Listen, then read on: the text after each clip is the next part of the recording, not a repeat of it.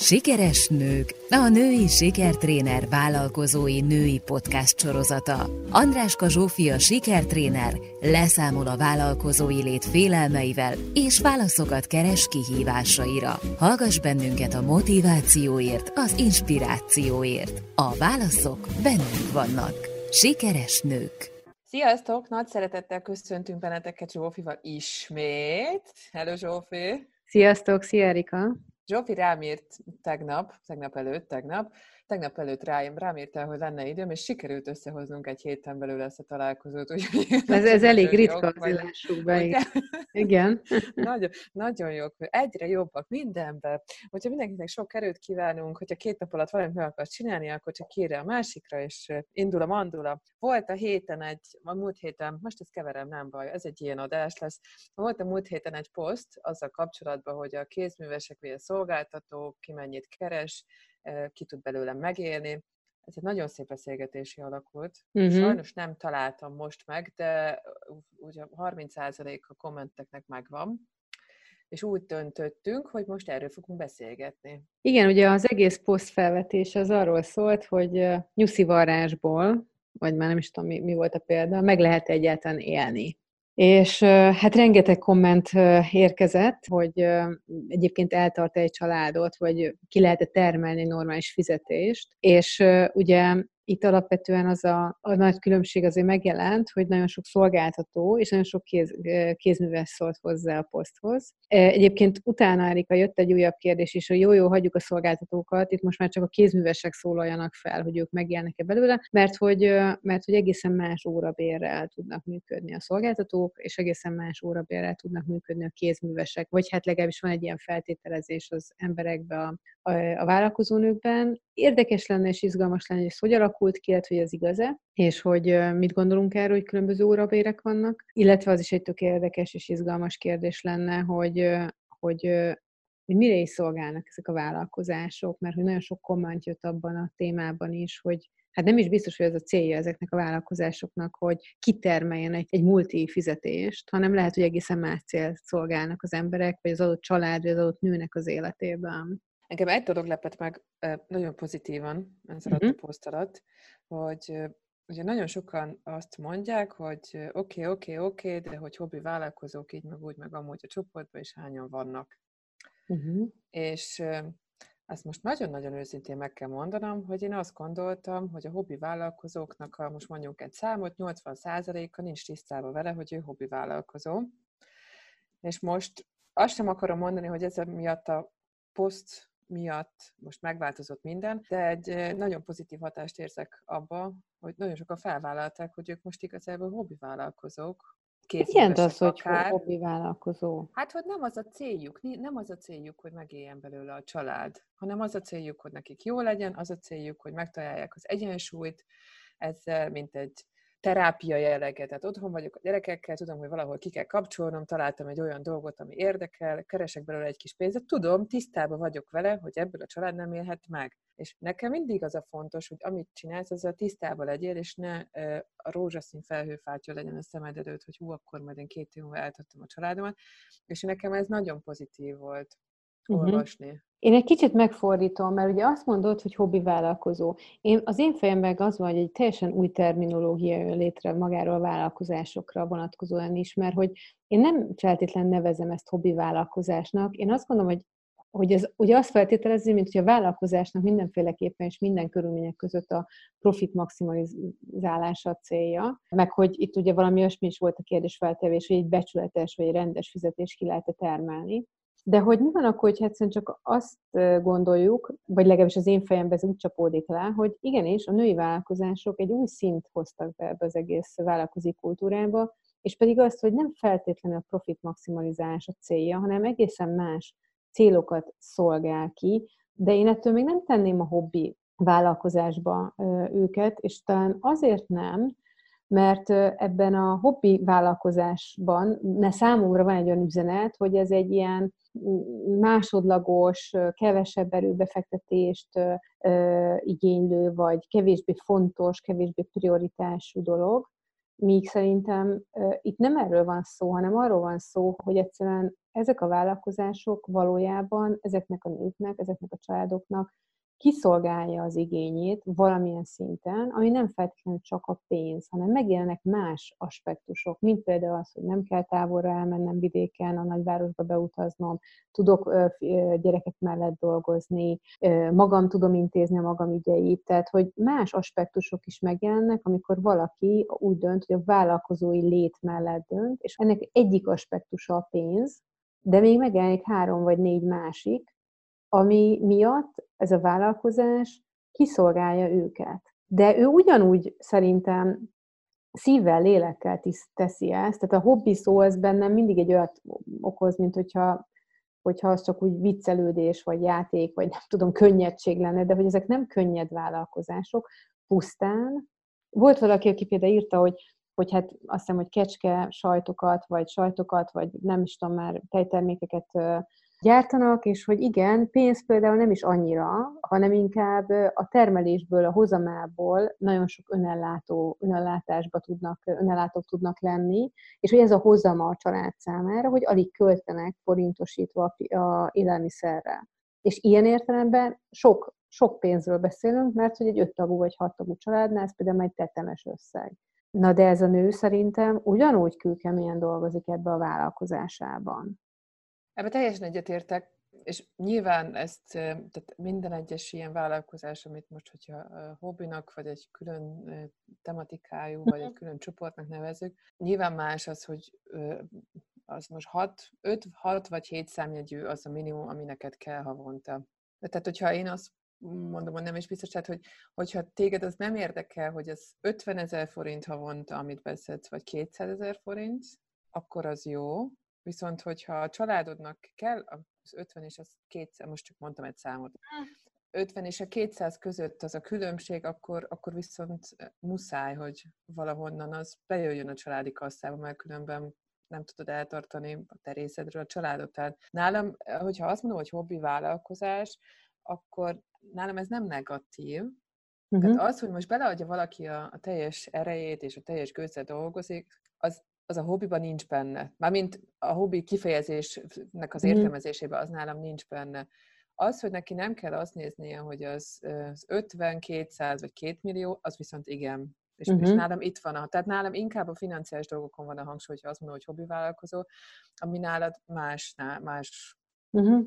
áll rá, más hangsúly. Én, én nem tudom, hogy nem kell néznie, és akkor itt kicsit visszakanyarodunk egyébként az úradíj kérdésére szerintem hogy nem-e kell néznie, vagy nem tudja nézni. Mert hogy, hogy, hogy valóban vannak különbségek abban, hogy szolgáltatóként, tanácsadóként milyen órabért kérhetsz el, és megint vannak abban, hogy egy, maradjunk a nyuszi horgolás, igen, nyuszi horgolás, ez volt a kérdés, szerintem feltevés, hogy a nyuszi horgolásnál milyen órabér lehet, amit egyszerűen annak, annak a létrejövője el tud kérni, és ugye, ha meg így nézzük, akkor ugye, ha én kézműves vagyok, akkor nyilván a saját magam készített termékeknek van egy kapacitása, egy, egy, egy ráfordítható ideje, egy megkereshetősége.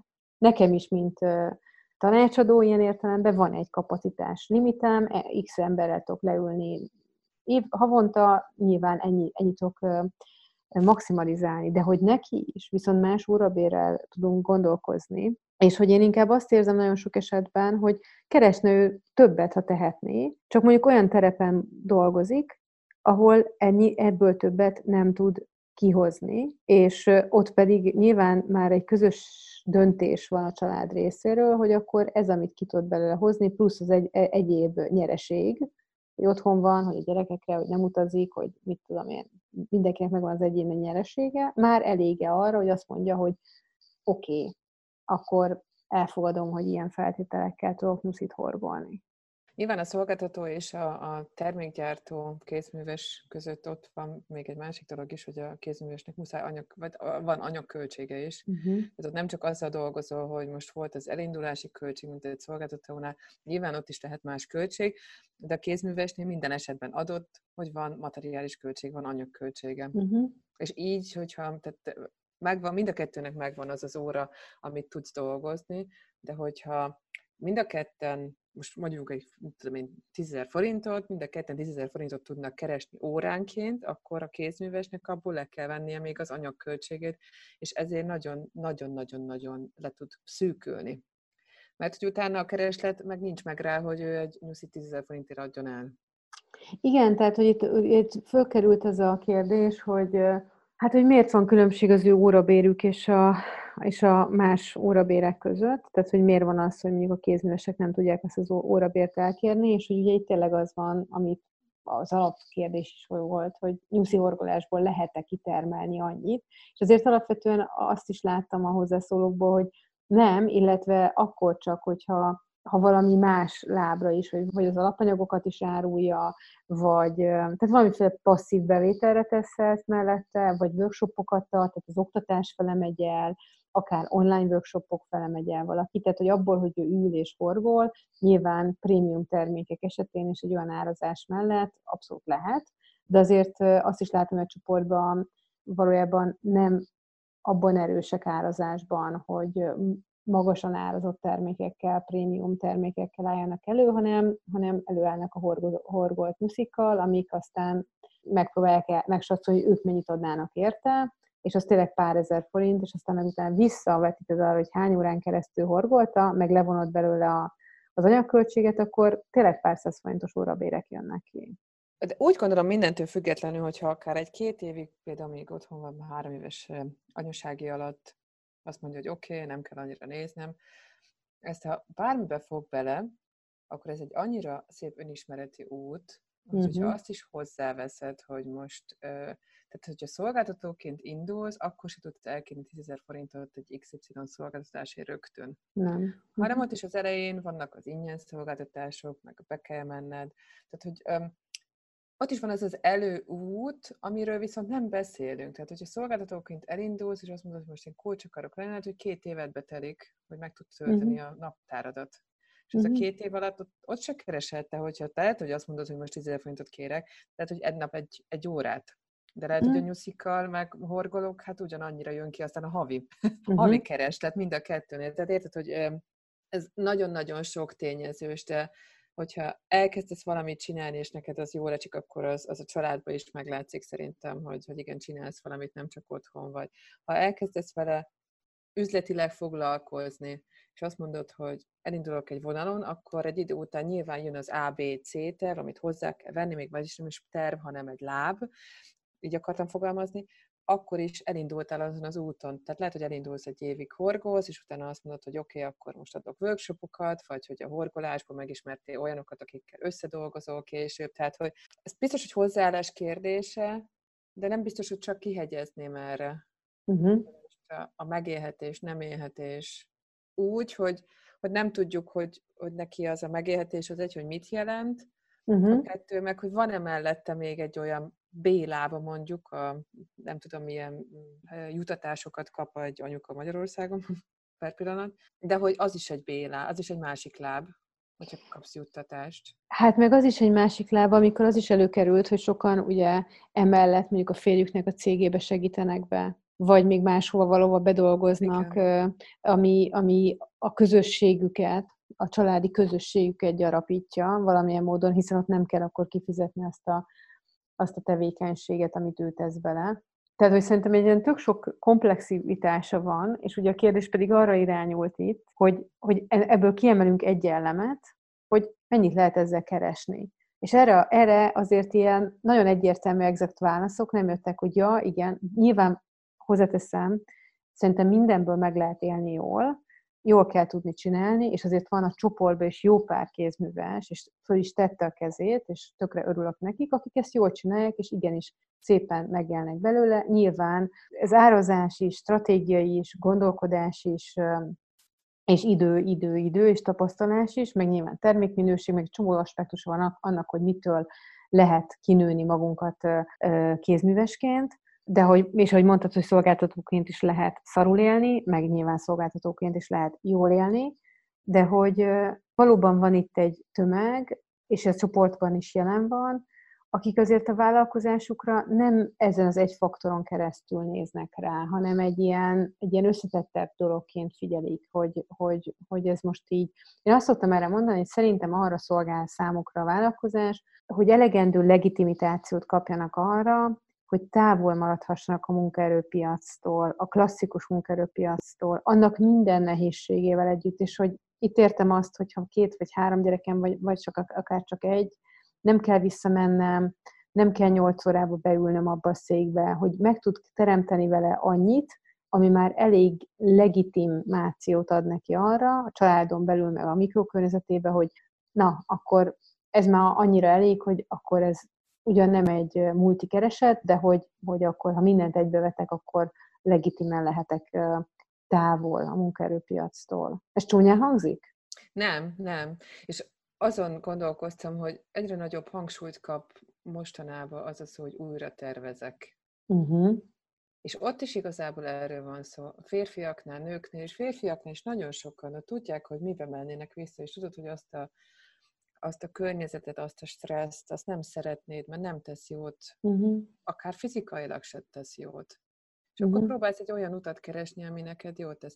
De ahogy még beszélted, igazából nagyon sok dolog felmerült bennem, csak így gyorsan pontokba elmondom. A, hm. a hobbi szinten még, hogy, hogy mennyire adott bele az erődet és az energiádat, egyszer beszéltünk a futásról. Uh-huh. Igazából, hogyha te hobbiból maratont futsz, akkor az minden csak nem leányálom. Tehát, uh-huh. Hogy érted, hogy a hobbiba is még lehet, hogy még jobban beleteszed magad, mert ott Uh-huh. Ott, ott, ott tényleg szívvel, lélekkel csinálod az egészet. És nekem talán a hobbi az, az e felé irányul, hogyha hobbiból is vállalkozol, az tényleg szívvel és lélekkel. Hogyha jön pénz mellé, az nagyon-nagyon jó, legyen, uh-huh. de hogy a szív és a lélek az ott van benne, és ott te is ott vagy benne, és magadat adod át, hogyha horgolsz, vagy hogyha festesz, vagy bármi. A másik dolog még, ami felmerült bennem, mikor az előbb beszéltél, hogy, hogy az, hogy a kézműveskedésből meg lehet vagy nem lehet élni anyaként vagy nem anyaként, az szerintem egy nagyon-nagyon régi probléma. Uh-huh. Uh-huh. Akár, hogy, akár, hogyha azt mondod, hogy szolgáltató, mint énekes, tehát ne gondoljunk most tanácsadóra, uh-huh. gondoljunk egy színésznőre, egy énekesre, ott sem, tehát nyilván ott elég nagy a szakadék az között, hogy valaki multimilliárdos lesz belőle, meg az, hogy nagyon-nagyon alacsony szinten tud belőle megélni. Nyilván a második csoportban vannak többen, de hogy ez, ez sem egy egyszerű. Tehát, hogyha még magadat is adod el, és valahogy az nekem a kézműves is, a, tehát a művész is uh-huh. valahogy a kézművesbe tartozik bele, mert hogy ott is egy, egy, egy, egy magad által előállított terméket kell eladni, egy szolgáltatást, magadat. Uh-huh. Uh-huh nem mint egy szolgáltatásnál, ahol igazán megtanultál egy bizonyos folyamatot, vagy bármit, akár egy tanácsadásnál, és akkor nyilván ott is magadat adod el, de ott, ott tanácsokat adsz, az nem olyan. És tehát nagyon sok színész is, bár nincs nagyon sok színész sajnos, azt kell mondjam az ismeretségem, de akik vannak, vagy zenészek, meg tudnak belőle élni, de nem azon a szinten, ami szerintem odavaló lenne nekik, meg amit letesznek az asztalra, azért az érdemleges. És ott sem beszélünk órabérről, viszont ez kell a társadalomnak, tehát ők is szívvel, lélekkel dolgoznak. Nagyon érdekes, amit mondasz, egyébként bennem is gondolatokat ébresztett, és pont ez a maratonfutás, meg hobbifutás, hogy, hogy így teljesen átéltem, ahogy mondtad, hogy úristen, ez tényleg hobbifutóként futni maratont, hiszen a táv ugyanaz, hát az sokkal, sokkal kimerítőbb mint professzionálisan futni le. Ugye a profi futó az megveszi a jó cipőt rá, az pontosan felkészül, az a testét felkészíti, mentálisan felkészíti, a legjobb cuccokat kapja, és hogy tisztában van a, a, a lehetőségeivel, támogatást kap rá, már hogy úgy értem, hogy szakmai támogatást kell elmegy futóklubba, edzőt fogad, tehát hogy valami tudatosan felkészül, és ugyanúgy 42 kilométert fut le mint a hobbi futó, amit mondtál, hogy így ugyanúgy lefutja 42 kilométert. Tehát fájni ugyanúgy fáj. Ellenben még rosszabb a helyzete, mert hogy, mert hogy ő mégiscsak egy hobbiként tekint erre, és ezért nem teszi be azokat a támogatásokat mögé tudatossági szinten, amik arra kellenek, hogy őt védjék a kiégéstől.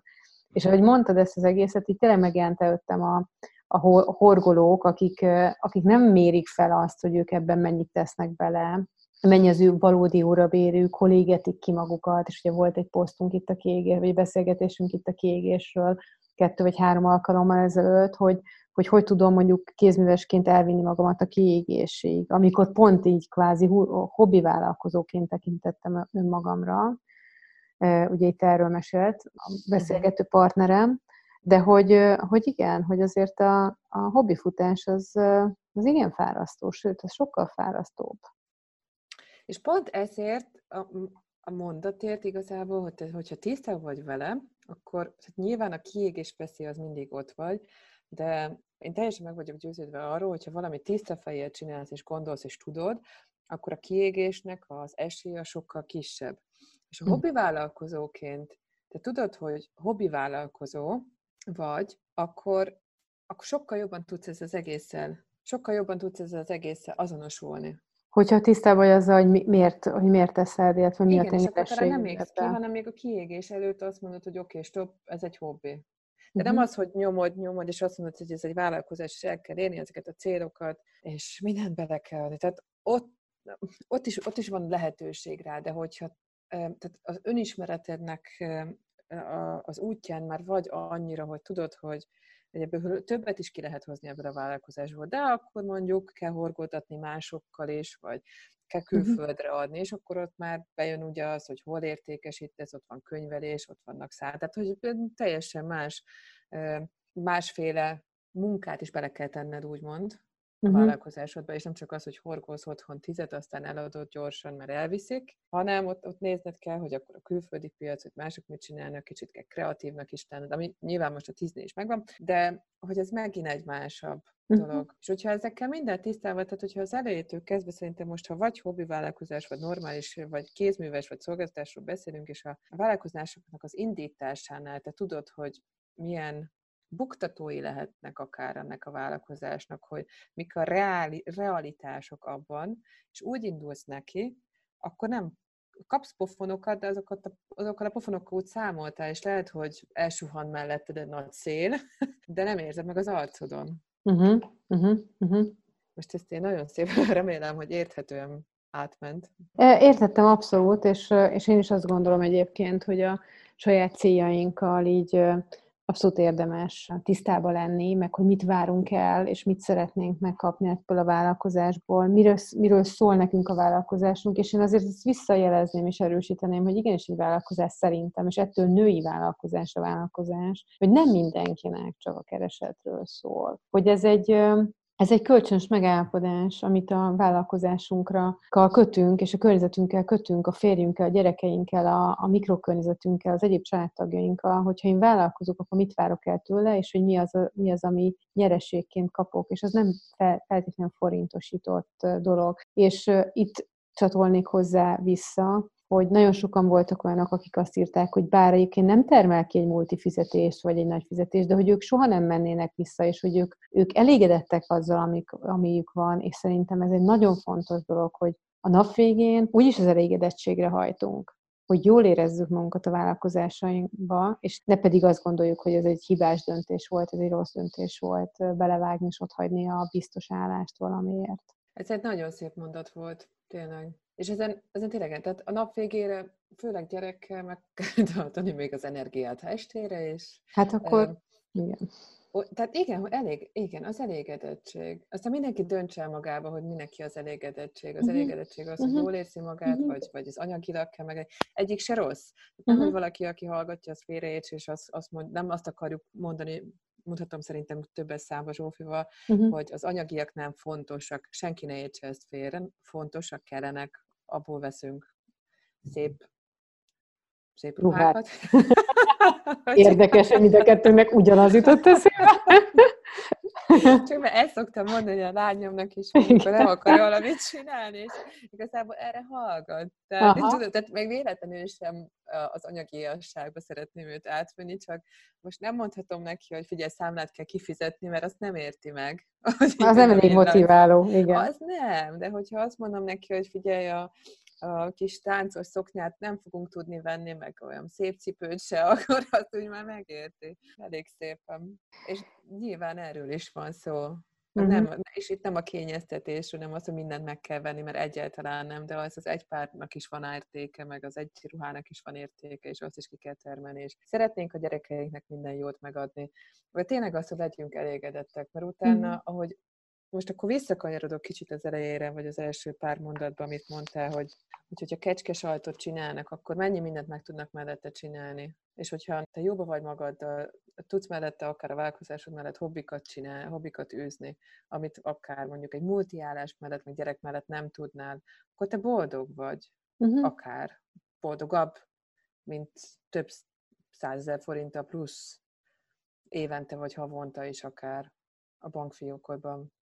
És ezt nagyon-nagyon érdemes méregen, és ezt, ezt, ezt beszélje mindenki meg magával, hogy ő neki mi a fontos, mennyire boldog tőlem, és utána döntse el az útját, hogy ő neki ez jó, nem jó. Ha nem jó, akkor keressen fel téged például, beszéltek át. ez egyáltalán nem a reklám, de igazából ez teljesen át kell beszélni, hogyha valami nem passzol. Igen. Valami nem működik. Akkor szerintem lehet ez az áromondatunk, hogy mindenki azt figyelje meg, hogy ő mitől lehet elégedett a vállalkozásában. Igen, és uh-huh. tegyünk már, hogyha nem felejtjük el, tegyünk már fel egy, egy ilyen kérdést. Jó. Mert ez egy másik kérdése annak a kérdésnek, amiből indult ez az egész beszélgetés, hogy te elégedett vagy-e? Azzal, amit van.